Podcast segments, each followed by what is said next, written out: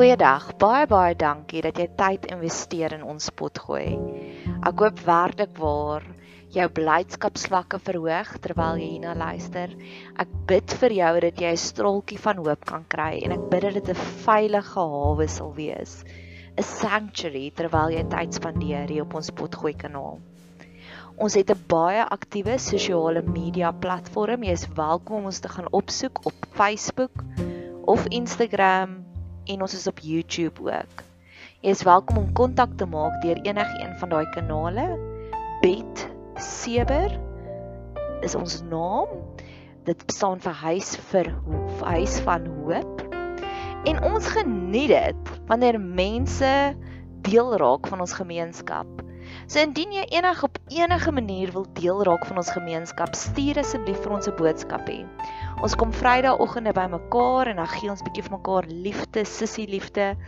Jy's welkom om deel te raak van ons gemeenskap deur om hierdie potgoeie te deel met jou vriende en familie of jy kan lekker kreatief raak om deel te raak van ons laat daai kreatiewe juices bietjie vloei. Ek het op nou onlangs gehoor van 'n ander potgooi kanaal wat vertel het die persoon het vir haar koek gebak om hulle verjaarsdag te vier. So laat jou kreatiewe juices vloei. Ek hoop jy geniet hierdie kuiertjie op ons potgooi kanaal.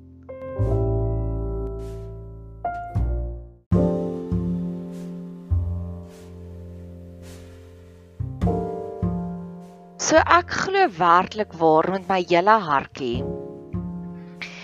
dat die rede hoekom ek so min kla in mense se ore en ek het gister nou weer so 'n oomblik gehad waar ek net besef het dat o, oh, die feit dat ek so baie kla in God se ore maak dat ander mense amper hierdie indruk het dat ek nie probleme nie. En ek het uitdagings. Maar ek glo met my hele hartjie, ek kla eerder in God se ore want God is die enigste persoon wat in elk geval iets domtrent kan doen. En dan kan ek net terugsit en kyk, waar kom hierdie heerlikheid op in elke oomblik van my lewe? Ek is besig om deur my ou joernale te lees. Hulle lê daar so hoopie. Hulle sal ek is al by nommer 5 in die afgelope 2 jaar. Ja, ek doen alles manies. So as ek joernaal dan joernaal ek uitermate baie.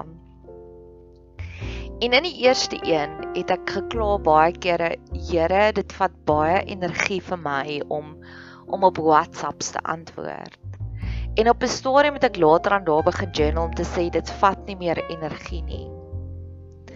En dis iets waarvoor ek gebid het vir so lank, want ver oggend voordat ek hierdie pot gooi begin maak het, het ek eers gevoel ek wil vir niemand laat verwerp voel nie. So ek het deurdag dag deur al my WhatsApps gelees, geantwoord vir hulle gebid. En baie kere vergeet ons vir die dinge wat ons al reeds oorwinning op behaal het. Voordat ek hierdie pot gooi begin maak het, het ek daai liedjie van van Dixie Cups, I go I go gespeel. daai een van your grandma and my grandma sitting round the fire. Nou die liedjie is eintlik 'n oorwinningslied van hulle het oorwinning bereik in 'n sekere opsig van hulle lewe. En die twee potgoeie wat hard soos 'n seekoei op my hart druk ver oggend is twee potgoeie waarop ek ook wil die oorwinning sien. So die eerste een waaroor ons gaan gesels is die sorge van die lewe.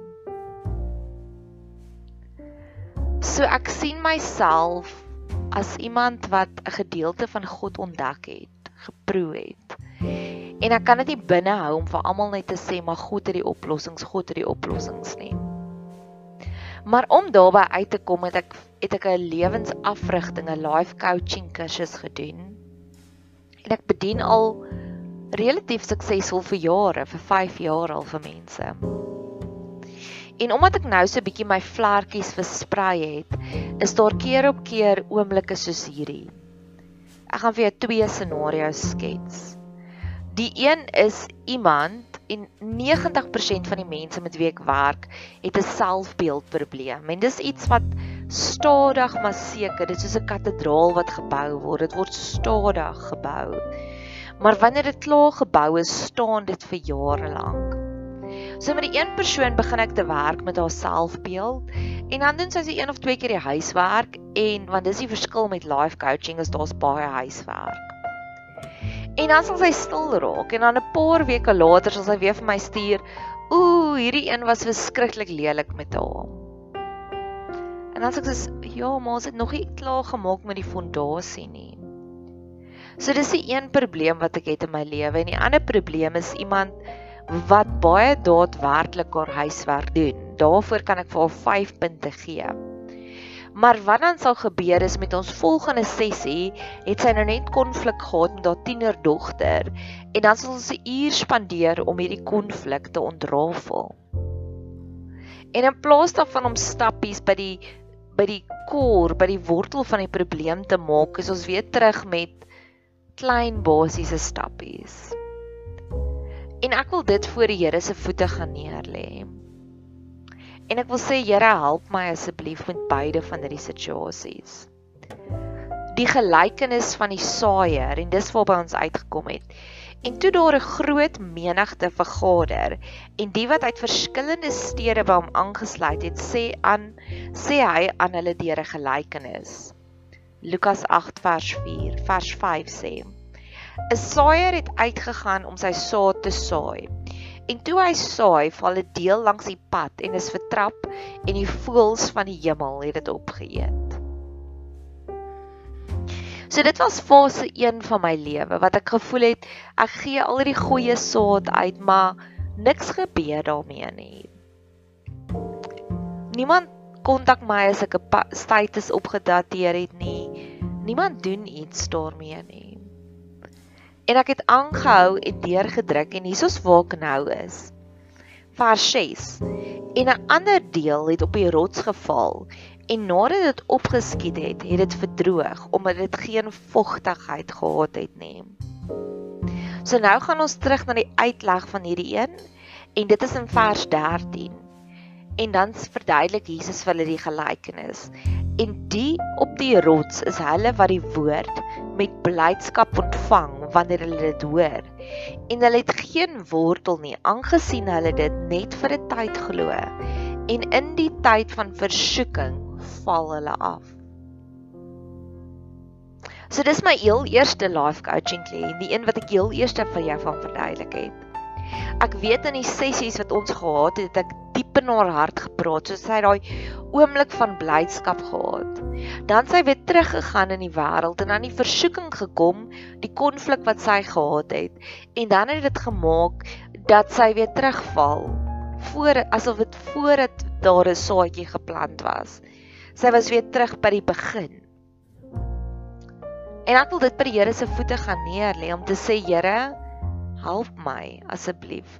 Gaan U asseblief en maak die grond gereed sodat daar nie meer rotse is nie, sodat daar nie meer versoekinge is nie, sodat hulle weer sal terugval nie. Vers 7 sê: En 'n ander deel het tussen die dorings geval en die dorings het daarmee saamgegroei en dit verstik. Nou vers 14, die een wat dit uitlê sê en wat in die dorings geval het, dit is die wat gehoor het en hulle gaan weg en word verstrik deur die storge en die rykdom en die genietinge van die lewe en van en dra geen vrug nie. So dit was my tweede kliënt waarvan ek vir jou vertel het wat gesê het in ons tweede sessie het sy net konflik gehad met haar met haar tienerdogter en dit was 'n sorge van die lewe dit het gemaak dat ons weer moet teruggaan na die begin toe om weer te begin werk om te sê kom ons ontrafel hierdie probleem. En die probleem met beide van hierdie gevalle is as ek nie op 'n manier tot by hulle kor gaan kom nie, gaan ek vir ewig op hulle noodlyn wees en dis nie wat ons wil wees nie. Ons wil vir jou so 'n bietjie rigting gee. Nou wil ons sê jy moet jou eie vrug gaan lewe. So die volgende een en ek spreek dit uit oor elke WhatsApp wat ek uitstuur, oor elke persoon met wie ek live coaching doen. Volgende week het ons 'n werkswinkel. Ek wil graag hê dat hierdie volgende moet waar word. En 'n ander deel het in die goeie grond geval en gegroei en honderdvoudig vrug opgelewer. Honderdvoudig. En daar waar Jesus dit uitlê, sê hy in vers 15: En wat in die goeie grond val, dit is die wat nadat hulle dit gehoor het, die woord in 'n edele en 'n goeie hart hou en met volharding vrug dra. So ons gaan nie weer terug na die begin toe nie. Ons sien die vrug, ons sien die verandering in jou lewe. Ander mense begin dit raak te sien. En dis waar ek graag wil uitkom. Het die stukkie wat sê in 1 2 Timoteus wat hy sê avoid godless chatter. En dis waarby ek wil uitkom. So ek gee hierdie vir die Here en ek sê Here, kom U asseblief en bewerk U asseblief die grond dat dit goeie grond is. Dat daar nie rotse is nie, dat daar nie dorings is nie. Sodat al die woord, al die goeie nuus, al die boodskappe van bemoediging werklik waar op goeie grond val. Ek kyk baie Juawis. Juawis is 'n vrou wat op Facebook 'n storie vertel van hoe is sy 'n governess in Saudi-Arabië. En sy maak dit so exciting klink. Sy maak dit so wow klink dat ek wil sommer nou begin om 'n governess te wees in Saudi-Arabië. En dis my geskenk wat ek wil uitdra in hierdie wêreld. Ek wil vir die mense soveel bemoedigende stories hê van dis wat gebeur wanneer jy met iemand journey. Laat ander mense ook opgewonde raak.